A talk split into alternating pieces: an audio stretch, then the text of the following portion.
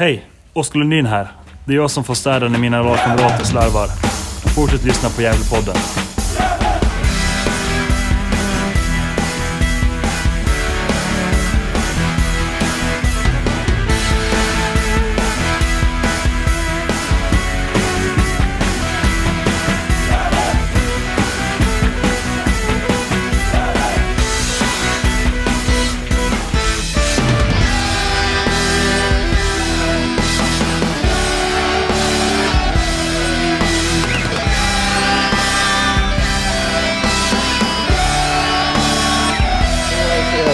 Välkomna till höstvädret och därmed också ännu en ny och fantastisk vecka med Gävlepodden. Eh, Så peppad i alla fall jag på att prata Gävle IF. Hoppas ni är det också. Jag heter ju Niklas. Eh, Med oss längst söderut har vi Isak Muren. Hur mår du? Jag mår fint. Jag mår bra. Precis haft tenta. Eh, Så det, jag känner mig urladdad, redo att prata om GIF. Det är bra. Mm, kul att höra. Längst söderut Johan Norrström. Eh, Norrut menar jag.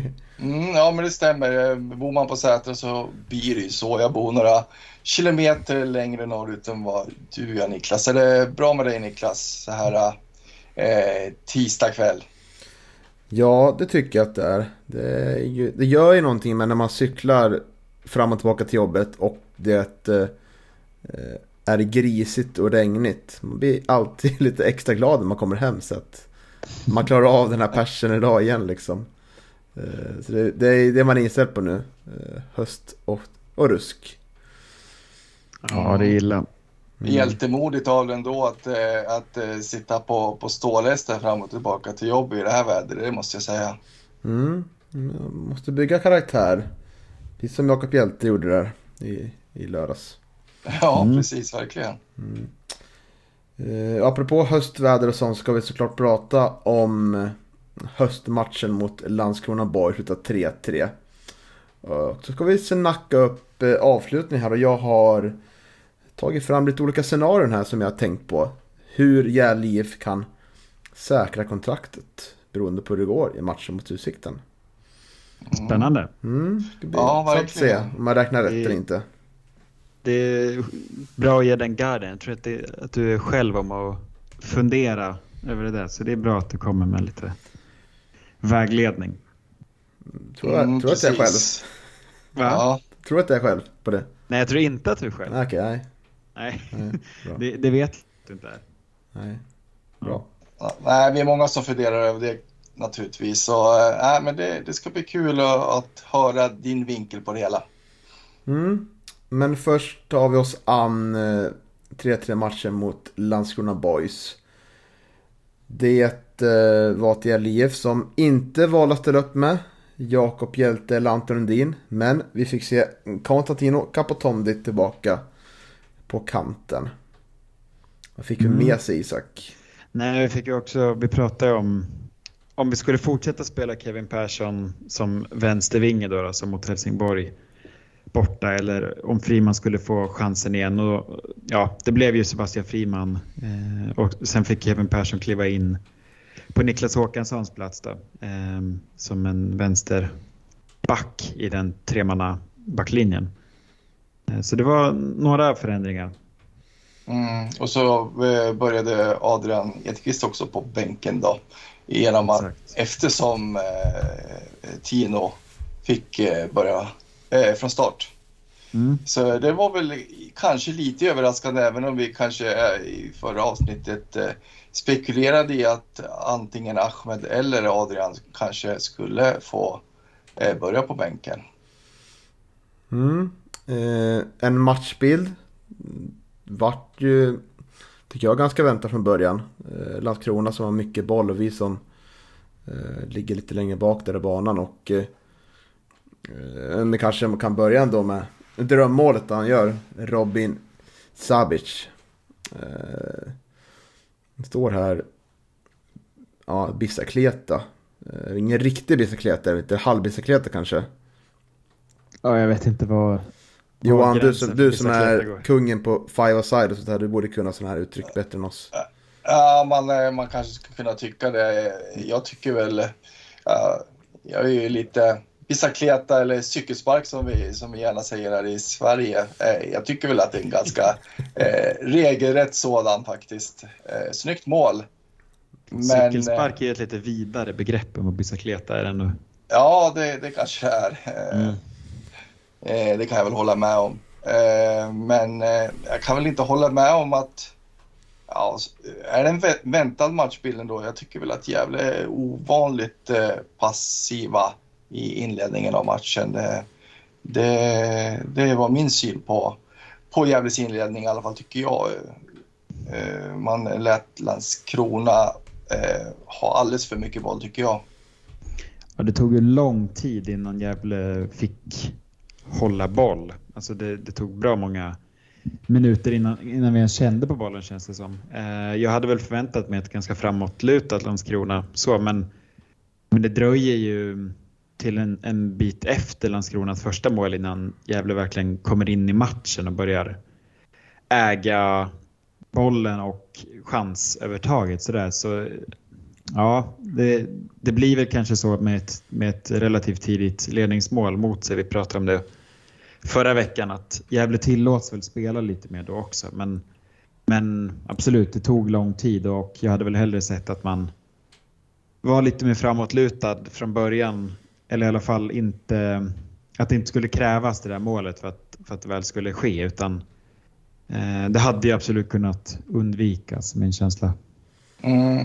Ja, det är ju trist att, eh, att det ska behövas ett eh, Landskrona-mål för att eh, man eh, ändå ska se någon offensiv satsning för, från Gävles sida. Eh, det är precis som att, att man behöver, eller man måste hamna i, i underläge för att man, eh, att man ska släppa på, på, på liksom garden eller vad man ska säga. Ja, för nu är det ju, senast mot Helsingborg höll vi ändå nollan men det har ju varit många matcher nu när vi släpper in tidiga mål. Och nu lyckas vi ändå hämta upp där och, få till en, en kvittering. Men, men många av de här tidiga målen som vi släppte in har ju på något sätt också, även om de lett till en forcering i vissa fall så har det också lett till att vi, vi sätter oss själva i ett läge där, där det blir svårt att komma ikapp och, och på något sätt konkurrera på samma villkor under matchen. Um, så det, det är synd att, att det blivit lite av ett signum nu nästan att Gävle släpper in tidiga mål i första halvlek. Um, även om vi varit väldigt bra på att hämta upp och få till de här kvitteringarna sent i matchen. Mm. Ja, jag tycker det här, det här, om man kan ta den här matchen, tycker jag att den, den skiljer sig markant både från, eh, om man tar hemmamatchen vi haft den här tiden mot, eh, mot ÖIS och Gais så att inställningen här Eh, den är ju bra mycket bättre sett över hela matchen om man bortser från ja. de första 10-15 minuterna. Fram till målet så är vi ju... Vi tar ju tag i matchen sen. Eh, och eh, har ju tre riktigt bra chanser i första halvlek där. Så vi är ju liksom... Det känns som vi har, vi har liksom laddat om efter den mentalt jobbiga tiden som har varit då. Eh, alla är friska och krya och det har laget mått bra av så. Eh, så det det var ju välförtjänt mål där av Friman tycker jag som kom i slutet av första halvlek. Han hade ju en miss innan där. Och eh, precis innan Eh, vi skulle gå in i halvtidsfinalen, stod 1-0 fortfarande, så sa jag faktiskt på läktaren att ja, det känns som att vi spelar 10 mot 11 man och syftade på att jag tycker Friman inte alls var så bra på den kanten innan målet. Eh, och eh, det var väl lite enögt för mig och sagt i frustration men det fick jag ju sannligen äta upp sen för att han gjorde ett riktigt fint mål där och var även bra andra halvlek. Och det här var nog Sebastian Frimans bästa match i gifttröjan sett i motståndet. Ja, jag håller med. Eh, ja, om man inte... Jag har sett motståndet exakt, men hattrick-matchen borta mot Luleå där för tre år sedan eller vad det var, var han också ganska het. Men, men det här, jag, jag blev imponerad av Friman. Jag tycker han var eh, pigg och så det märks ju, det, det, har vi pratat om många gånger, att eh, Asp, Aspgren är ju, han är mer självklar i sin roll eh, och det märks att Friman alltid tvingas jobba lite i motvind när han spelar med fel fot, är felvänd på grund av det. Eh, det blir ju svårt för honom. Men den här matchen tycker jag verkligen att han, att han är bra. Eh, tycker att han är med väldigt bra i offensiven. Pigg, snabb, får liksom med sig bollar på ett lite annat sätt än vad han fått tidigare. Eh, jag vet inte om det är att han, att han lyckas tajma löpningar lite bättre och få bollar i rätt skeenden. För mm. Ofta blir det att han får bollen eh, felvänd och liksom tvingas spela tillbaka eller vända hemåt för att han, att han spelar med sin högerfot eller redan har tagit löpningen. Sådär. Eh, så jag tyckte att Sebastian Friman imponerade. Eh, det var kul. Jag tänker också att eh, vi har lyckats få tillbaka Martin Rauschenbergs fina crossbollar från backlinjen ut till mm. vänsterkanten. Det var ju väldigt tydligt när York Rafael var frisk och kry att de kom. Men har inte liksom hittat det på samma sätt när vi spelar med andra vänstervingar. Och eh, dels är vi Kevin Persson väldigt sällan över mittplanen känns som när han är vänstervinge. Nej. Eh, jo, det var lite elakt sagt men... Ja, men det stämmer väl delvis, eller hur?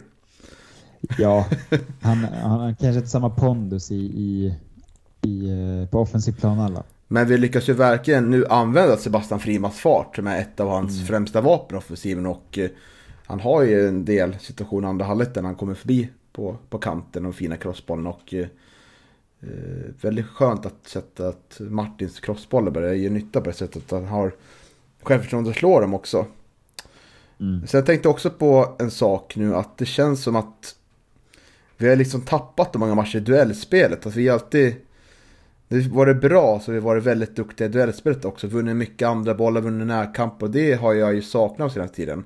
Tänk bara Skövde borta liksom, vann ju knappt en andra ja, ja. boll liksom. Nu är ju Skövde borta, verkar vara en av seriens svåraste bortamatcher verkar som. För att alla verkar förlora där, känns som i alla fall. På senaste tiden så. Eh, men jag tycker att även andra matcher har också känts som att vi har tappat mittfälten. Nu, nu kände jag att det var tillbaka lite grann. Men jag tror att det, att det till viss del beror på att vi spelar med en ordinarie mittfältsuppsättning. Vi har Oskar Lundin, Iraner och Capotondi där. Och det är de vi spelat med under största delen av säsongen. Och nu har eh, Tino varit borta, eh, Oskar har varit borta och tvingats spela på en mittbacksposition. Och Io har ju också varit lite, haft, haft lite skavanker. Så jag tror att mittfältet liksom hittade sin grundtrygghet igen. Eh, och den har ju verkligen saknats, det håller jag med om Niklas. Mm, och eh, vi ska väl också nämna Ahmed Bonna tycker jag också som, eh, som är varit eh, blek i ett par matcher nu men jag tycker ändå eh, är tillbaka eh, till, eh, ja kanske inte i gryende form men eh, i alla fall eh, bättre nu än man varit innan och, eh, och eh, tog en hel del offensiva initiativ tycker jag som såg intressanta ut. Mm. Jag håller med, men han måste också bli mer klinisk. Han måste sätta sina chanser. Han hade två jättechanser, eller i alla fall en jättechans, en, ett distansskott där som kanske borde gått in. Och han, han skapar ju väldigt mycket och är i, i situationer kring offensivt straffområde så, som hade kunnat rendera i målchanser. Men, men han måste bli mer distinkt. Eh, jag tycker att det saknas. Jag tror att det är en sån sak som när han väl kommer in i, i mål, eller när han väl gör första målet så tror jag att det, att det kommer falla på plats. Där. Men det, nu hade vi ändå, skapade vi mycket situationer och hade ju andra målskyttar men, men han har ändå varit en av få som kommit till chanser i många matcher nu när vi inte skapat så mycket och då gäller det att han måste sätta de där chanserna. Jag tycker inte riktigt att han, att han gör det än, tyvärr. Nej, nej det saknas nog eh, självförtroende i, i, avgörande lägena som, som det är nu. Det är precis som du säger, han skulle nog behöva göra det där första målet i, i, i eh, Gävletröjan och eh, då tror jag också att det kommer att lossna för honom. Och nu är ju, ja, vi vet ju inte om han blir kvar nästa säsong eller om, eh, om han bara har två matcher kvar i, i Gävle heller. Men i och med att han får starta varje match så, så kanske man skulle kunna ta det på ett som ett tecken på att klubben är lite intresserad av att behålla honom till nästa säsong. Och då hade det varit väldigt trevligt att få igång en, en målform nu. Mm. Lite, lite självförtroende in, inför kommande säsong. Verkligen. Vi börjar ju närma oss eh, slutet av säsongen och eh, det börjar bli läge att eh, utvärdera Ahmed Bonna kontra Anton och Jakob. Vi har ju precis mm. haft dem en halva var i GIF. Och eh, det är som du säger Isak att eh, rent målmässigt så har ju inte Bonna övertygat alls. Nej. Utan missar väldigt mycket lägen. Eh, spelmässigt tycker jag att han har gett en annan dimension till vårt eh, anfallsspel. Men det har ju varit eh, mm, en del eh, en del plattmatchen då får man säga. Den var lite osynlig. Han tycker man ska ta sig till hylla och lyfta laget. Eh, för sån klasspelare tycker jag att han är. Jag har ju varit den som har varit där först och hyllat Bonna sådär. Men det kanske också är en jämnhet där. Eh, men där ser man, kan man också säga Antonio Jakob var ju kanske tvärtom. Imponerade inte i spelet men var ändå där det gjorde avgörande mål. När vi behövde dem. Så mm. det är två intressanta eh, synvinklar och aspekter att se på det hela. Ja, och vi har inte vunnit jättemycket matcher sen Bonna kom in i laget. Nej, det, och det, det glömmer vi bort tror jag. I alla fall jag. När jag hyllar och ja, sådär. Och det, det, det beror ju liksom inte på honom. Så, men han har ju inte heller fått visa upp sig i ett lika fungerande Gävle som rent spelmässigt som Antonio gjorde. Utan han har ju levererat mer och laget har kanske presterat bättre under de matcher Antonio spelat kontra de matcher Bonna har spelat nu. Så det gör ju också att utvärderingen blir, blir lite svår sådär. Eh, jag håller med om att han har tillfört saker i spelet som vi saknade utan honom och som blivit bättre om man jämför med Antonio. Sen, sen måste han leverera poäng om, om man ska starta match efter match på den positionen. För vi har också en Anton Lundin som kommer in och har stått för fem mål nu och säkert någon framspelning också. Ehm, och om Bonna startar varje match utan att leverera de här poängen så, så tror jag att, ehm, att det kommer väckas en diskussion om, om inte Anton borde få spela på den positionen istället. Mm, faktiskt. Eh, eh, Anton Lundin har sett väldigt pigg ut nu. De här senaste matcherna när han, när han har bytts in och eh, har ju varit en var ju stor del till eh, stor ja, bidragande orsak till att, eh, att man eh, lyckades vända här i lördags också. Så att eh, ehm, ja, jag, eh, jag skulle nog faktiskt vilja se Anton från start i, i de här avslutande matcherna. Han har, han har också andra egenskaper som jag tror kommer vara nyttiga nu eh, när det liksom drar ihop sig och eh, allting ska avgöras. Ja, för det där är ju lite svårt. Alltså, jag tycker inte att varken Edqvist eller Bonna är väl kanske i superform. Bonna är bättre än Edqvist just nu tycker jag. Eh, och ligger väl närmare startplats och han startade också nu i helgen. Men vi har ju också ett ganska stort sparkapital i Anton Lundin på bänken och det är ju en poängspelare också. Eh, så det känns ju som att så till nästa säsong behöver vi kunna nyttja de spelarna bättre. Det kommer ju bli jätteviktigt. Ehm, och ja, jag, är nog beredd att hålla med om att Anton, han har, han har ju jobbat ihop till en, en startplats tycker jag. Eh, men det skulle jag också säga att Jakob Hjälte har, så det är svår, det är svår balansgång där. Ehm, men, men ett Utsikten borta där det är möjligt att, att man kanske vill ha en Anton Ledin i startelvan eh, på, på kanske bekostnad av Ahmed Bonna. Men jag tror ändå att det är ganska sannolikt att Bonna kommer få starta eh, om man ser till, till eh, hur det sett ut tidigare matcher. Såg ni vad Mikael Bengtsson sa till lokaltidningen efter matchen? Apropå vilka som startar och vilka som inte startar. Nej, Ska jag, har inte läst. Då kan jag berätta för dig Johan och Isak. Mm, om ni vill höra. Mm. Eh, det är alltid svårt att ta ut en startelva och vissa kanske, be, kanske passar att komma in och avgöra. Är om de kanske inte vill höra det, funderar Bengtsson vidare. Mm. Mm. Ja, och det där det, det, har han ju bevisat. Det är inget han bara säger, utan det har ju bevisats gång på gång under den här säsongen. Och det är väl en sån sak som talar emot att att man kanske borde slänga in en sån spelare som Anton eller Antonio tidigare under säsongen som har åstadkommit merparten av sina poäng i slutskedet av matchen när han slängs in. Eh, och, och, jag tycker att Micke använder, alltså han har blivit en bättre matchcoach den här säsongen och förra säsongen än vad varit tidigare och är liksom, har en fingertoppskänsla i bytena. Så ja, det, det är jättesvårt. Eh, det är det ju. Eh, men sen tycker jag att det är bra att det finns en sån konkurrens på de positionerna. Att, att vi har den här diskussionen inför varje match. Liksom. Mm. Mm. Det kan ju mycket väl vara så att eh, Ahmed Bon också är en spelare som skulle göra mycket nytta genom att eh, bli inbytt i, i slutet av en match också. Så att, eh, eh men det där eh, blir ju också svårt att ifrågasätta med, med tanke på det du nämnde också Isak att eh, eh, Micke Bengtsson har verkligen visat fin fingertoppskänsla när det gäller bytena den här säsongen. Så att, eh, eh, men ja, eh, det, det ska bli spännande att se eh, avslutningen här och eh, vilka som kommer att spela. Mm. Det är ju framförallt på de två platserna i startelvan, på yttermittfältsplatserna som vi har bäst konkurrenssituation. Det har vi ju tydliga alternativ att sätta in. För mm. på centrala mittfältet så är det ju Oskar Lundin given. Iranera oftast given också om det inte är eh, en match med det förväntas ha väldigt lite boll liksom. Han spelar väl inte Skövde borta va? Det gjorde han det? Nej. Nej. Eh, Sådana extrema matcher. Eh, men det känns väl också som att Micke kanske värderar spelare med fart på kanten. Och då är ju Capotondi, Ahmed Bonagra och Daniel Ekvist tydliga bättre alternativen.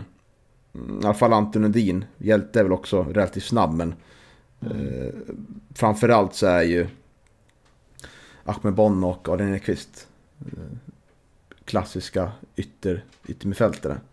Mm. Medan eh, Anton Edin är, ja, vad kan man beskriva honom? Men in, inte, inte samma snabb liksom med sitt spelstil utan mer fysisk och bättre på andra. Bättre på huvudet bland annat. Mm. Ja, bra boxspelare är han ja. också dessutom, det har han ju visat. Eh, så, men det känns som att de har det svårt att ta en startplats. Eh, mm. Men det, det, läser jag in på det Micke säger här. Så. Eh, en sak till jag funderar på, det är ju Leo Englund där framme. Jag tycker att han gör en bra match spelmässigt. Han är inblandad i, i reduceringen där, eller kvitteringen tänker jag på, frimansmål. Och mm. är otroligt duktig i luftrummet tycker jag, som hela laget i den här matchen. Vi är ju väldigt bra hela matchen och det bidrar till att vi tar en poäng till slut. Men målformen på Leo tycker jag är lite oroväckande. Han har ju dels det här offside-läget där som blir eh, som blir avblåst för offside. Men det ser ju inte Leo, så han avslutar nog som att det vore inte offside.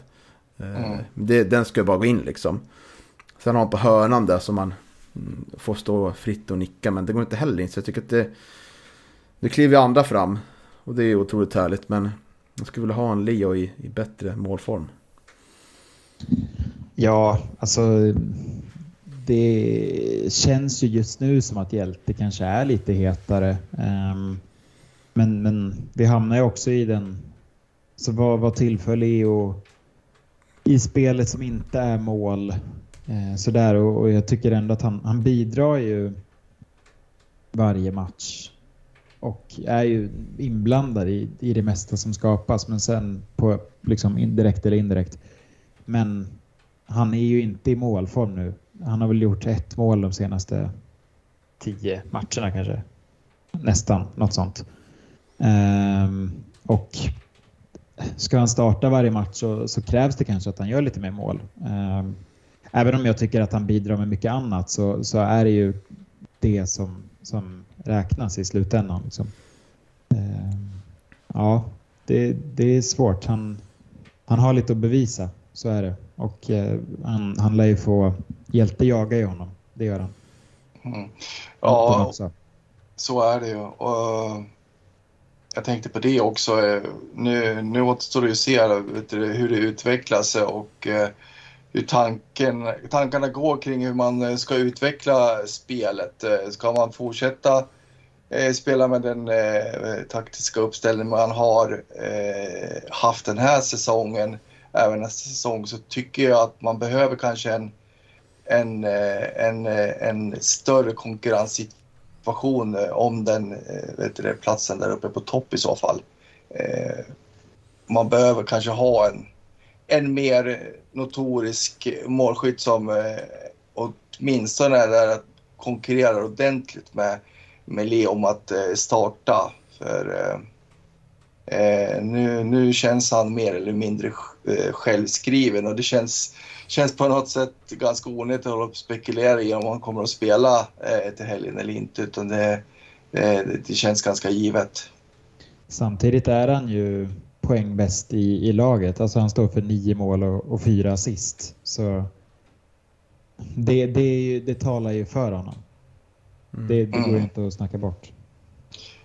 Nej, så är det ju absolut. Men som sagt, eh, ja, nu, nu vart det en assist i, i lördags, men, eh, men som sagt, han, han missar ju oroväckande mycket och eh, något mål mer från Leo här under hösten kanske hade betytt att vi hade vunnit någon match. Mm. Men vi föll lite ur diskussionen om Landskrona-matchen. Verkligen. Ja, Ett det... långt sidospår det här. Ja, det blev det. Men ja, vad var känslan? Vi stod och snackade lite i halvtid. um... Snacka inne ja. på pissoaren, Galevallen. Ja. Härligt snack. Ja. Skulle vi ha spelat in kanske? Ja, det skulle vi ha gjort. Ja. Potentiellt integritetskränkande för för, för övriga. Ja. ja, nej, men vi hade väl ganska, vi var ganska övertygade om att vi skulle ta hem den här matchen enkelt. Ja, vi, ja, så. Jo, det gjorde ju det. Eh, men eh, det hinner inte gå så mycket i, till eh, Landskrona gör 2-1 och ja, har ni, jag har inte sett det prisen på frisparkssituationen men det är ju Nils Eriksson som Landskronas spelare som springer in i Nils Eriksson, står still där och ja, ja. Jag, vet inte. Jag, tycker att den, Nisse har inte jättestor skuld i den situationen tycker jag.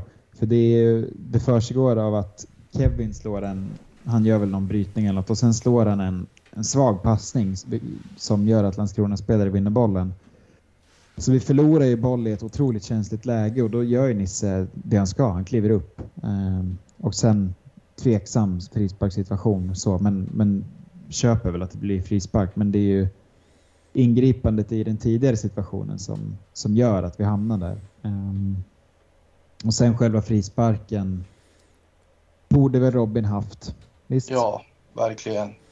Den såg eh. väldigt fint placerad ut från, från läktarhåll tycker jag. Men sen när jag sett den i repris så, så är ju inte Robin långt borta. Och den Nej. går ju i princip mitt på. Det går mitt på mål i princip. Eh, det, det, anledningen att han eh, släpper den där är att han tjuvar en, bit, en halv meter in bakom sin, eh, sin mur som han har ställt upp. För att eh, jag tror att han eh, tror... Han, ja, han tror att frisparken ska gå över muren.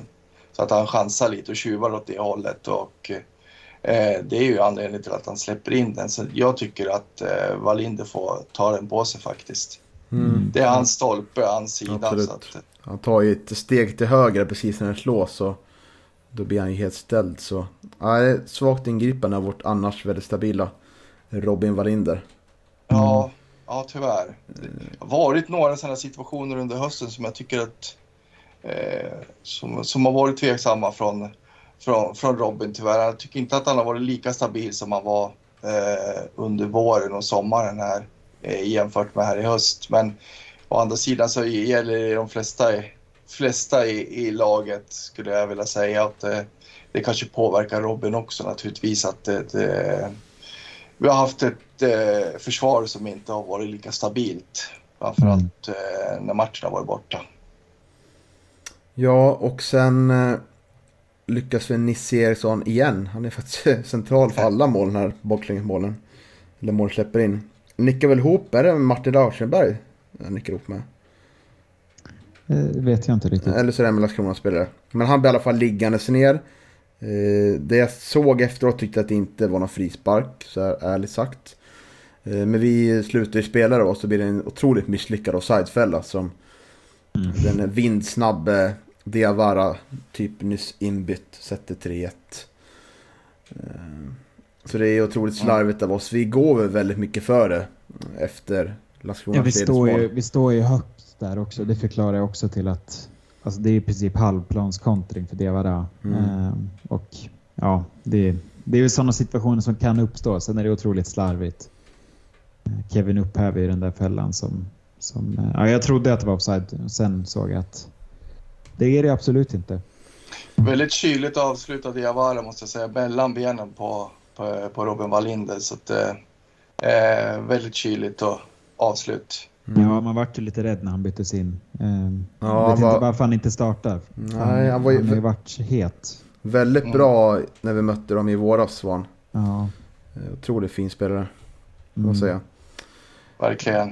Eh, Ja, det känns ju lite som att matchen dölar lite. Man, eh, jag har börjat tänka för lite ångestkänsla. Jaha, nu blir det en sån här jävla säsong där man får liksom och våndas in på slutet. Vi, vi liksom tappar allt liksom. Men eh, vi trycker på där och eh, det blir ju tre byten ganska snabbt där. Både Adrian Enqvist, Jakob Hjelte kommer in och Anton Lundin. Uh, vi tar väl ut, jag vet, vet vi tar ut, Bonna. Tino Ja, och eh, Friman. jag. Yes.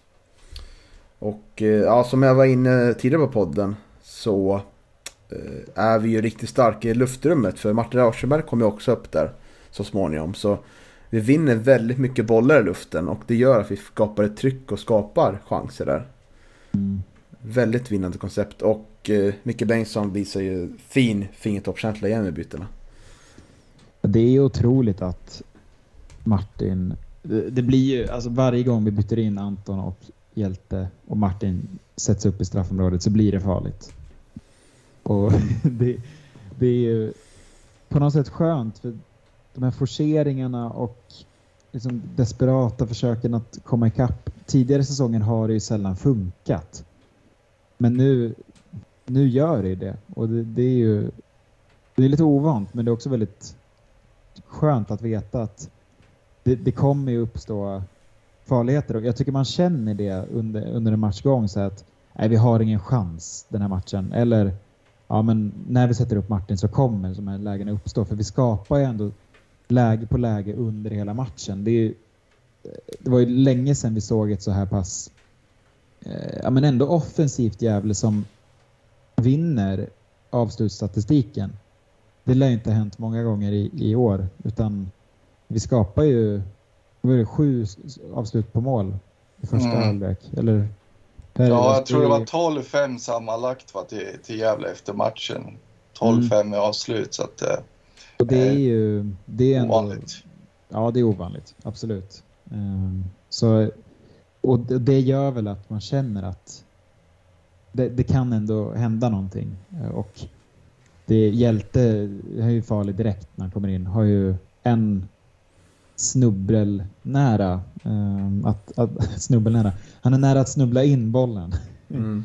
Eh, och sen har han ju en nick där um, Kadura gör en otrolig räddning. Ehm, Ja, Verkligen.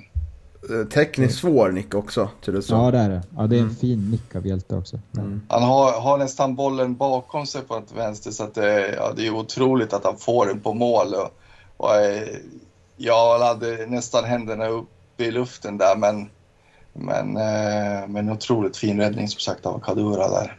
Mm. Mm. Men sen, eh, ja vad händer vid målet? 2-1. Det är väl Adrian Edqvist som, eller Oskar Lundin som hittar in med en boll till Adrian Edqvist i straffområdet. Jag tänker 2-3 målet. Ja, 2-3 målet, exakt. Mm. Ja, Adrian gör ju ett otroligt piggt inhopp. Och Mm. utmanar ju...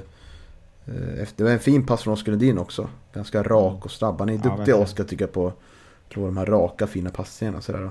Han tycker också Oskar den här matchen går ju väldigt mycket djupled faktiskt. Mm. Och det är jag inte van vid att han gör så mycket. Nu kanske jag har dåligt närminne och det, det har jag nog. Men det är väl lite uppfriskande att se sådär. Eh, att han eh, var tillbaka på det sättet och eh, bidrar offensivt sådär så. Ja men det är väldigt fint och Anton Lundin han är lurig där. Befinner sig gärna inne i straffområdet och eh, försvararna missar ogärna honom. Eller gärna honom verkar det som att han får oftast vara helt rent tycker jag sådär då. Eh, snubbla in det Vilken liksom. negation nu. Det, Ja, det är svårt att rö- hålla koll. rörigt nu alltså. Ja. Men, Eh, eh, de, eh, ja.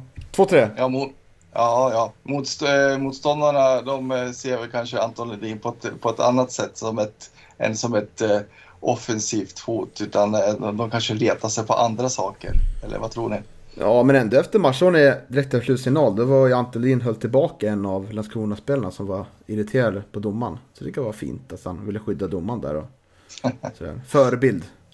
Ja, absolut. Ja.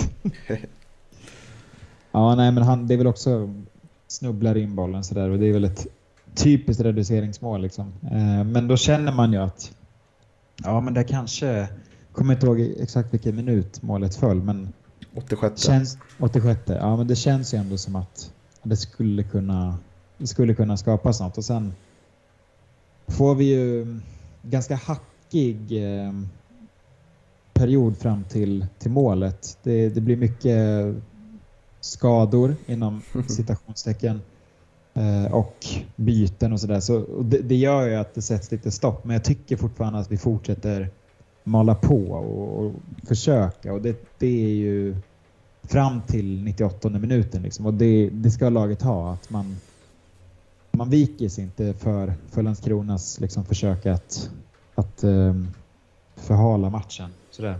Johan, vad höll de på med Landskrona? Jag kan inte berätta klarspråk. Kan man hålla på sådär på fotbollsplan? Uh, ja, alltså eh, som, eh, som Gävle-supporter så var man väl naturligtvis väldigt uppretad över det där. Hade, det, hade situationen varit den omvända så, så hade man väl tyckt att, eh, att Gävle och Gävle-spelarna kanske hade spelat smart och, och, på resultatet. Och det var väl det de försökte göra naturligtvis.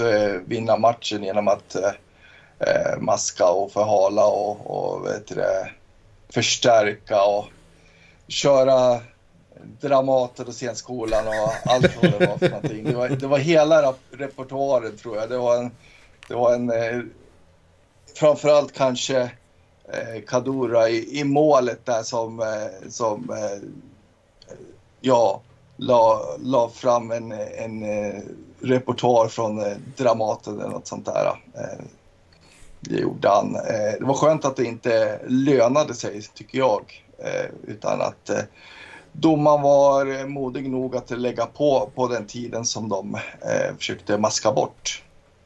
Var du lika irriterad också när Borgen började langa ut odds när jag låg under 3-1? ja, ja, det var jag faktiskt. Ja, otroligt. Ja, ja det är vilken, otroligt. Vilken tackkänsla. Ja. ja. Ja, jag har ju fått, eh, fick det förklarat i alla fall eh, att eh, tydligen så går det inte att få upp det på, på, på jumbotronen eller på, på, på skärmen där utan det är något... Var det vakterna som sa det när du var på väg ner och stoppade Wanegame? Vakterna som ja. stoppade då? Precis, mun, munkavel på Barnegrim tycker jag. Men det är väl bara att koppla in en sladd. Det är väl klart att det går. Sladd. Ja. Jag har inte sett väl... någon annan arena där det inte går att ha reklam på jumbotronen. Nej, men det skulle ju inte förvåna mig med Gävle kommun. Det är väl någon, eh, det är väl någon riktigt budgetskärm som de har köpt in. Eh, ja. Ja, så det, det var bara förinspelat eh, material som, som kunde läggas upp på, på, på skärmen tydligen. Just det, inga rörliga odds. Nej, inga rörliga odds. Nej, typ. men det är uppfriskande att veta att oddsen är 91 gånger pengarna när de ligger under med 3 Ja, verkligen. verkligen. Är man lite sugen på att sätta en slant? Det är väldigt upplyftande. Ja. ja. Nåväl, eh, vi får ju hörnor på övertiden här. Och först är det 96 minuten då. Eh, då är det Martin som är uppe och nickar.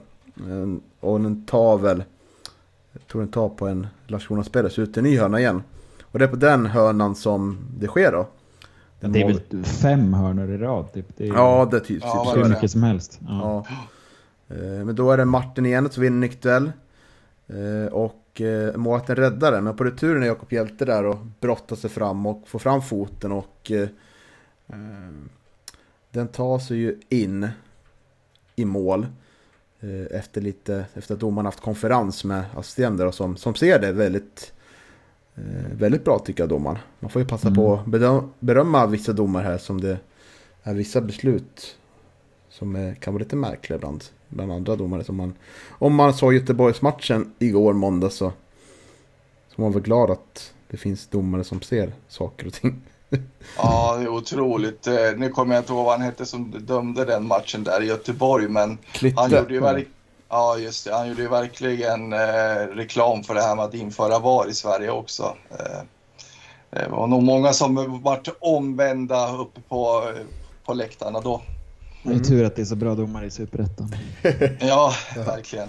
Eh, men eh, det blir ju 3-3 det där, även fast eh, det blev inget riktigt sådär härligt målfiende som att eh, förstod om det var in eller inte. Eh, men vi har ju, jag tänkte apropå det, har vi ju så här haft otroligt många upphämtningar i den här säsongen. Det är ju sista minuten mål i sex matcher. Otroligt. Ta från Gefle Dagblads lista här. Eh, Jag tänker att ni ska på uppstuds här få välja den som har känts skönast. För här, här känner man ju mer lättnad. Så det blir ingen riktigt Mm. så här magiskt målfirande sådär. Eh, Men jag kanske kan upp, eh, uppfriska era minnen då. För ni är ju Ja. inte purunga ni heller grabbar. Eh, tack för det. Mm, varsågod. Vi har ju Landskrona eh, senast då. Sundsvall 2-2. Östersund 2-2. Öster borta 2-1. Eh, Östersund hemma också 2-2. Eh, och Öster 3-2 hemma. Eh, och det finns ju två matcher kvar så det kan ju vi gör en lista på förhand där. Eh, Isak, vill du börja? Ja, alltså Sundsvall borta var ju... Jag tror att det berodde mycket på Oskar Karlssons mål där som gjorde att man flög upp ur soffan så. Men eh, jag tycker nog Öster borta är den match som, som verkligen känns... Eh, där upphämtningen känns eh, sköna så här i efterhand i och med att det var sån turbulent eh, tilläggstid där med tre mål och, och ehm, man var säker på att först skulle Gävle vinna, sen hämtade Öster upp det där och sen kom Kevin och ja, nickade in den där hörnan. Så eh, jag, jag skulle ändå säga att den, den värderar jag högt nu. Ehm, det gör jag. Mm, jag måste nog ändå säga Oskar Karlssons 2-2 där. Eh, det är nog min favorit så här långt i alla fall. Men eh, på något sätt hoppas jag väl att vi slipper fler sådana där upphämtningar utan, utan att eh, Gävle avgör innan och eh, faktiskt plockar tre poäng i någon av de här två sista matcherna. Avgörs det inte i sista omgången när Daniel Eliasson kom, slängs in i, i slutet och gör 2-2 hemma mot Trelleborg så klarar vi oss kvar. Det skulle vara episkt också i Mm. och för sig men eh, jag, jag ser nog hellre att vi är klara innan dess faktiskt. Jag med. Eh, Ja, det är svårt att välja, men det är väl... Det går ju att välja olika tycker jag. Alltså det går att motivera ganska många alternativ, men... Jag var ju på plats i, i Växjö där. Och det var otroligt tungt när vi gjorde... Vi ju tappade in 1-1. Och det kändes otroligt osannolikt att vi gjorde 2-1 också. Mm. eh, På det sättet. Men sen också Öster hemma också, då var vi inne i en tung period innan liksom. Så att det där var ju så förlösande att gå till sommarvila med att vinna med 3-2 där. Mm. Då undrar man ju vad oddsen var. Ja, Innan. vad var Bornegem där då? Sa han Ja. också där? Det är det man vill veta. Ja. Ni lyssnarna får hjälpa till där. Men... Och Sundsvall var också väldigt speciellt för man var så jävla förbannad då på domarinsatsen efter utvisning. Så... Och det var en så kort tid då så det var otroligt osannolikt. Så... Ja, jag kör en helgardering där så de märkte. Ja, det är helt rätt. Ja, Men ska vi um, utse matchens tre stjärnor då? Det är ju en, en bra match ändå. Många som, många som utmärker sig. Vi hade en ganska lång lista till skillnad Ja. från tidigare matcher. Mm. hade Men sen var vi ganska överens efter, efter ett tag. Det var, det var Mm. inga eh, vet du, rejäla diskussioner den här gången. Utan Nej, du blossade vi, inte upp Johan. Nej, jag blossade inte upp som jag brukar göra. Nej. Nej, Nej, vi satte, var väl ganska överens om att Sebastian Friman förtjänar en stjärna. Um, Absolut. Han, eh, han gör det bra och gör mål. Står för en otrolig nedtagning i andra halvlek på en crossboll från förmodligen Martin. Eh, Jag tycker han gör sin bästa match den här säsongen. Mm. Det är synd att han inte avslutar själv i det läget när han plockar ner bröstar Ja, och det går in i straffområdet. Den skulle han försökt sikta på. På bortre Mm. stolpen så kanske han hade blivit tvåmålsskytt. Mm. Och på två stjärnor vi landar i vår lagkapten, Martin Rauschenberg. Eh, tycker inte man kan lasta honom för något av målen vi åker på där bak. Tycker att han styr väldigt bra där och är delaktig i offensiven och eh, är högst del- delaktig i att vi går och fixar poäng i den här matchen. Får han framspelningspoäng när han eh, på sista målet? Eller är det räddning? Det, det kanske inte räknas då. Framspelningspoäng. Det, det är lätt. Assist. Jag trodde det bara var jag som fick hitta på egna ord i den här podden. ja, nej det... Ja, assist. Ja, Hur ser regelverket ut för framspelningspoäng? Nej, jag tror inte att, eh, jag tror inte att han får den faktiskt. Nej, då stryker jag den. Ja. Och Johan, den kanske mest formstarkaste spelaren i det här laget som får tre stjärnor, vem är det? Kristoffer Aspgren, vi har ju inte nämnt honom alls förrän nu egentligen. Gör ju en eh, kanonmatch. Tycker jag har varit bra hela hösten egentligen och eh, jag har ju lobbat ganska mycket för Kristoffer tidigare också här redan i vår under sommaren och så men det, det är som jag säger också att eh, eh, han har ju otroligt han håller en jämn nivå måste man ju ändå säga. Är ju sällan dålig i, i någon match utan är nästan alltid bra och eh, eh här på slutet har han väl varit extra bra och kanske absolut de, bland de bästa Gävlespelarna, tycker jag. Ja, han skapar ju mycket i den här matchen. Uh, han är otroligt pigg på sin högerkant och det, det var väl ett par lägen där, där i alla fall Leos, ja nu var ju det offside, men, men där det, det hade kunnat resultera i mål och sen, sen får han ju en fantastisk boll från Anton i, i um, andra halvlek. Det är någon slags volleyframspelning från Anton där det bara den, om den bollen hade varit lite lösare så hade kanske Krille fått göra sitt första mål den här mm. säsongen. Så han var ju verkligen bra i djupled också. Eh, inte bara längs sin kant utan han, han var pigg över hela banan. Eh, jag, jag, jag, tycker dock Johan att vi har nämnt honom på senaste tiden. Att han har fått den cred han förtjänat. Han fick ju stjärnor för den matchen också. Så jag tycker att ja, absolut. Vi... Mm. Ja, fast nu pratar jag om i, i våras och i somras. Mm. Jag fortfarande tycker att eh, jag tycker som sagt han, eh, han är ju sällan dålig och vi tog honom kanske lite för givet.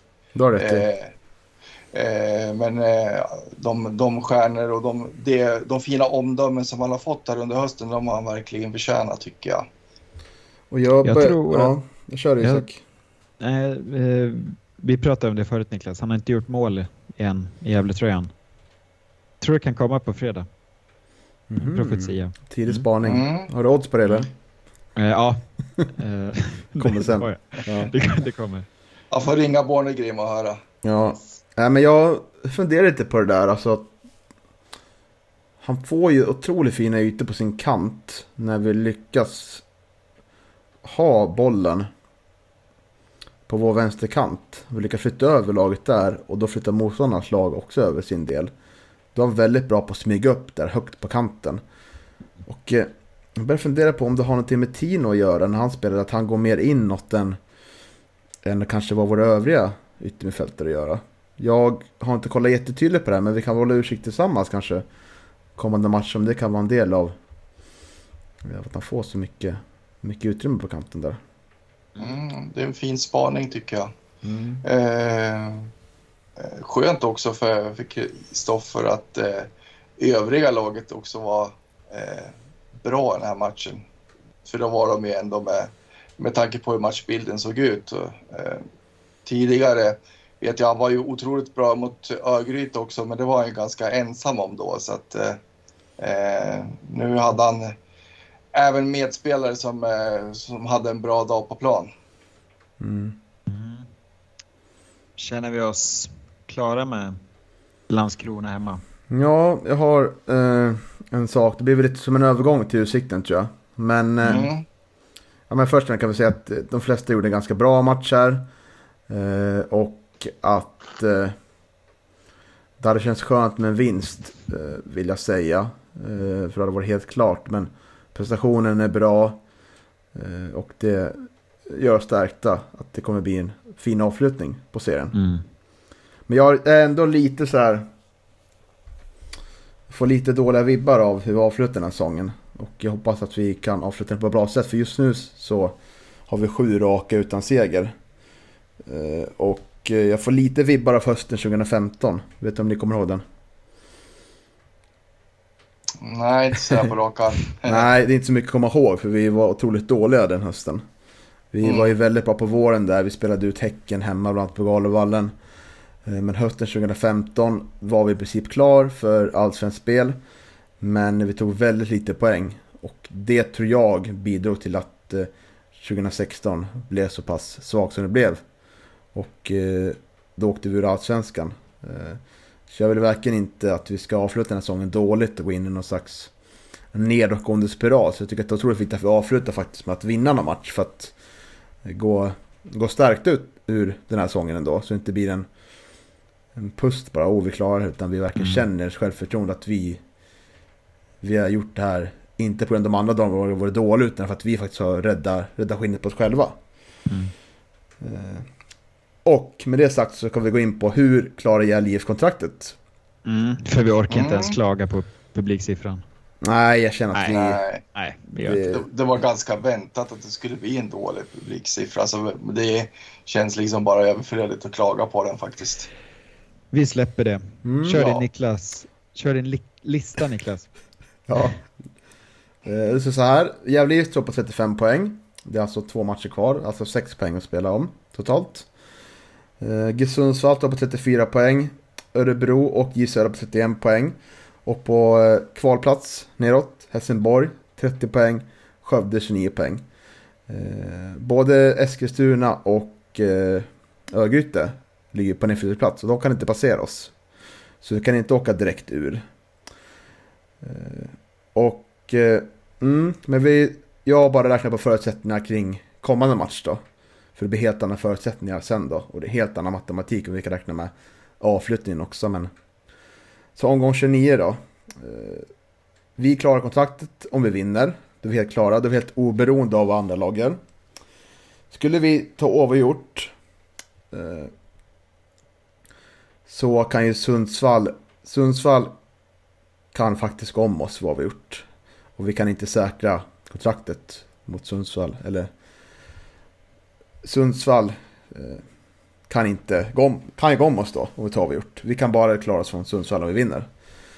Och, så vi kan räkna, räkna bort Sundsvall för rekreationen helt. Men tar vi en poäng.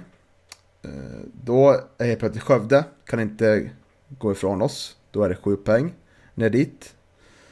Eh, Eller fyra poäng blir det om Skövde skulle vinna sin match, det vill säga. Mm. Re- Redan rörigt. Men jag hoppas ni är med här, för det försöker vi, ja, jag också vara. Eh, Men tar vi alltså en poäng. Helsingborg möter Brage hemma. Örebro möter Lektion Boys hemma. Och J Södra möter Gais hemma. Då är förutsättningen så här att ett av de här tre lagen eh, får inte vinna. Skulle det vara så att två lag vinner, eh, då klarar vi kontraktet. Mm. Precis. Eh, och eh, kanske ska stanna där då. Och spekulera. Helsingborg möter alltså Brage hemma. Brage har inget att spela för. Örebro möter Lesjöfors Boys hemma. Samma förutsättningar. J Södra möter Gais hemma. Eh, Gais kan ju säkra kontraktet till Allsvenskan då. Det är lite beroende på hur vi sköter sköter det mot Utsikten här. Tar vi poäng mot Utsikten så kan ju de säkra det. Men skulle Utsikten vinna mot oss så då räcker det inte om Gais vinner. Då är det fortfarande tre poäng. Mm. Mm. Precis. Så så ser det ut vad vi gjort. Vad tror ni om det scenariot då, om vi tar en poäng? Eh, Mm. Ja, jag tror att en poäng, att eh, det, jag tror att det blir i princip är klart då, är min känsla. Att det ska mycket till. Speciellt i och med att det är några av de lagen under oss som möts i sista omgången också. Eh, så en poäng borde ju innebära ett säkrat kontrakt. Då är vi uppe på den här gyllene gränsen på 36 poäng. Eh, men det är klart, eh, det, som du säger, det, det, det kan ju fortfarande innebära en, en risk för kvalplats. Ehm, och Utsikten har ju mycket att spela för. De har ju fortfarande chans på den där direktplatsen till Allsvenskan. Och, och min känsla förut var väl att Utsikten kanske var lite på nedgång och att de skulle ha sumpat den här chansen på direktplats när vi skulle möta dem. Men, men nu är det inte så. Så eh, de kommer ju vara hungriga på att ta tre poäng. Eh, Mm. Så det, det kan nog bli en, en farlig och ganska grisig match i min känsla. Mm. Ehm, Men, men jag hoppas såklart att, att de där tre poängen tas för ingen vill ju att det ska avgöras i sista omgången. Nej, precis. Eh, och, nej, men det är ju tuffast möjliga förutsättningar för, för Gävle ändå eh, sett till, till, till själva uppgiften att eh, försöka slå Utsikten naturligtvis som har, har så otroligt mycket att eh, spela för. Eh, så det, det kommer bli en otroligt eh, eh, spännande match här till helgen. Mm. Eh, verkligen. Ja, och... eh, ja. Mm. Så som sagt, tar vi en poäng så eh, måste något av Helsingborg, Örebro och Israel tappa poäng. Då är vi klara helt. Mm. Mm. Men vid förlust då, då är Skövde med matchen igen. Och Skövde möter Trelleborg borta. Och då är det alltså två av fyra lag som... Eh, två av fyra lag som måste tappa poäng då och inte vinna. Mm. Eh, och eh, Trelleborg borta är också ett lag som, som är klara sådär. Eh, Mm. Ja, I vi- södra möter ju också Gais ska vi komma ihåg. Och det, det blir ju naturligtvis en väldigt svår uppgift för, för, för J Södra att eh, vinna den matchen. Eh, li, lite samma för, förutsättningar som, eh, som vi i Gävle har när eh, möter Utsikten. Då. För, för ju naturligtvis också gå för, för tre poäng eh, för, för säkra kontrakt eh, upp till allsvenskan. Då. Mm. Så jag har inte räknat på några procent och sånt, men procentsatsen borde vara ganska bra för att vi ska klara kontraktet i helgen. Oddsen. Ja, oddsen. Mm. Och procentsats. Men ja, många guys supportrar kommer att hålla på oss i helgen. För att tar vi poäng mot Utsikten så kan det bli klart i praktiken för guys. Och eh, Utsikten har ju, ja, lite svajig form ändå. Men de vann ju faktiskt den här otroligt fina matchen mot Öster för två gånger sedan. Och det tycker jag de spelar, spelar riktigt bra faktiskt. Men sen åkte de till Skövde på deras gräsmatta och eh, tog ingen poäng alls. Så. Eh, det blir en tuff nöt att knäcka men jag är ganska optimistisk framför faktiskt. Eh, jag tror att de har all press på sig nu faktiskt och kommer känna av det så att vi har alla förutsättningar till att gå ut och skrälla och ta en poäng faktiskt. Kanske tre. Mm. Ja, stor press av det massiva hemmastödet. Ja, precis. Nej, men eh, ja, det är ju svårt. Alltså, ehm, det är klart att de, de kommer ju vilja revanschera sig och nu, det var väl många som kanske hade räknat ut. Först var det väldigt sannolikt att, att Utsikten skulle ta den här platsen och sen har de ju på något sätt sjabblat bort det där och, och nu har de ändå chans. Och där, så man kommer nog vara hungriga, men du har rätt att pressen ligger ju 100% på, på utsikten och det, det kan nog vara till vår fördel. Um, det tror jag. Och det är väl kanske inte så en av de mest skrämmande bortamatcherna på pappret, min känsla. Så, och det är konstgräs eh, på Bravida Arena, så det, det kan också vara till vår fördel.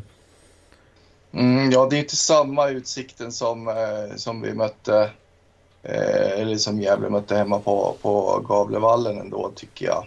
Eh, och inte samma utsikten som, som vi såg här under våren. Eh, Eh, så ja, absolut, det, det finns ju en möjlighet till poäng och Gävle har ju visat eh, karaktär tidigare den här säsongen och, och eh, brukar ju kunna...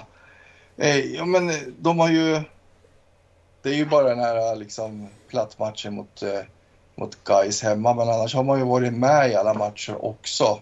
Eh, och spelat jämnt med de flesta lag, så att... Eh, Eh, eh, ja, det finns absolut möjlighet att ta poäng, det gör det. Ett eh, orosmoln på himlen är att Nisse Eriksson är avstängd. Han var, vi hade ju Mm. faktiskt fem, sex spelare stod på chans att bli avstängd. Men det var bara Nisse som fick kort där och det var ju skönt att det bara blev en. Men kanske på fel Mm. person för att Utsikten är väldigt Ja. snabba i omställningarna och har ett snabbt spel. Och det blir lite oroväckande med Niklas Håkansson där bak då. Och Nisse har varit bra i höst. Så Mm. det, det kommer kännas. Det kommer det. Men York Raffed uttalade sig i tidningen häromdagen och eh, mot läkarens eh, ja, vilja kanske. då. Inrådan. Ja, inrådan. Mm. Så sa han innan avsparken mot Landskrona Boys att eh, skulle vi inte säkra kontraktet idag så kommer jag spela sen. Så vi får se vad, hur det utvecklar sig. Mm. Ja. Känns inte som att han, han har inte fått okej av eh, fysteamet eller Micke att, att säga det där kanske. Eh, Han har ju ändå hållit igång, eh, som jag har förstått det, med, med boll men kanske inte varit med i de övningar där, där man riskerar, eh, ja, i, ja, där man kan hamna i de här hårdare kanske duellerna under träningarna men har ju ändå hållit igång och, och tränat. Och det är, ja, det är ju en intressant eh, eh, ett intressant utspel med tanke på att vi hade räknat bort honom helt. Eh, det är jobbigt eh, att vi möter ett lag där de har falsetas. Det kan bli dueller ändå. Ja, precis. Men jag hade inte tackat nej till York i startelvan. Men frågan är ju vad är status och ehm, är det ens möjligt? Eller är det liksom något han sa i, i ehm, stundens hetta sådär? Vi, vi får väl se. Men ehm, det, är ju helt klart spännande och det, det hade tillfört en hel del om vi hade fått med York. Men sen Mm. kanske det också är klokt att eh, inte riskera ytterligare skador i och med att det ändå handlar om en käkfraktur. Men Ja, det återstår ju att se. Det, anledningen eh, att, han, eh, att han skulle ha missat resten av säsongen verkar ju ha varit eh, en knäskada och inte kanske just den här eh, käkfrakturen om jag har förstått saker rätt. Då. Eh, så ja, det var ju också lite intressant. Ja, jag tror inte att han är redo för att spela 90 minuter i alla fall. Det vore ju... Nej. jag tror inte heller vi kommer se York från start eh, eh, spela. Att han kommer slå sig in i en startelva, men eh, ja, nej, intressant ändå. Eh, kan ju vara ett, eh, ett, eh, ett tillskott så här i slutspurten. Att, eh, att kanske byta in. Verkligen. Eh, Vill ni nämna någonting mer än eventuellt startelva? Vi får ju ändå inte som vi vill där känner jag vissa positioner så. Nej, och vi hade ju ganska mycket snack om Anton, Hjälte, Leo i början så jag vet inte hur mycket, hur mycket mer det finns att tillfoga där egentligen. Nej, exakt. Eh, Som jag sa, vet du, Leo kommer ju naturligtvis få starta uppe på topp och eh, Anton antagligen också på bänken. Även om jag tror att det är, det är en matchbild som skulle passat honom. Kul med fredagsmatch, eller? Ja, det, jag kommer vara på plats så det tycker jag är härligt. Att, eh, jag hade velat se fredagsmatcher hemma faktiskt. Jag tror det är ganska mysigt. Ja, Så det ska bli härligt att eh, kanske ta det där kontraktet då. Det var härligt att kunna ta det. Jag tror det är viktigt att ta det på egen hand. ja verkligen. Jag tror det är väldigt viktigt. Mm. Eh, en liten kort nyhet då, det är att Jalé får teckna avtal med Playmaker AI. Och vad är det för något Isak? Ja, det är väl eh, som det är statistik för hur man springer på plan och, och såna här spindelgrafer och sånt. Ja. Ja. Det fanns en anledning till att fråga dig och inte Johan. Ja, men Det, det gjorde du alldeles rätt i Niklas. Jag ska inte säga att jag är jätteteknisk, eh, men ehm, ja, de verkar ju ta matchanalysen till nästa nivå med det där Mm. enligt pressmeddelandet. Så, ehm, ja, det är väl allt som, allt som stärker den biten är väl bra för GIF. Mm. Man får ju liksom data på hur spelarna kan röra sig och eh, hur man gör mål exempelvis om det är samma mönster och sådär. Så man samlar in massor av, av data som det heter och analyserar det och får fram konkreta siffror. Typ. Hmm. Hmm. Var, den, var den skeptisk eller var det en nyfiken? En blandning. Ja. Jag tänker att vi kanske borde ta kontakt med någon av dem där och eh, då kanske kan ha ett avsnitt med oss här och kanske kan berätta lite om Järlivs säsong där. Mm, ja, jag och Johan kan behöva lite upplysning om det där tekniska känns som. Ja, verkligen. Ja, Ja. Eh, så. Annars har det inte hänt så jättemycket va? I Gävle IF värld. Är det något du Nej. vill?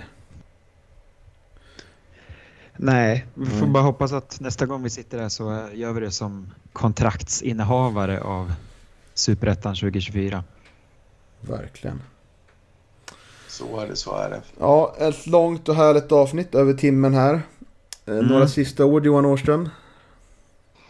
Ja, nej. Eh, alltså, jag, jag tycker Isak eh, avslutade ganska bra ändå. Jag tycker att det, det vore som sagt skönt att nästa gång vi eh, eh, gör den här podden, nästa avsnitt, att vi, att vi får göra, vet du, det, fira att vi spelar i Superettan nästa säsong.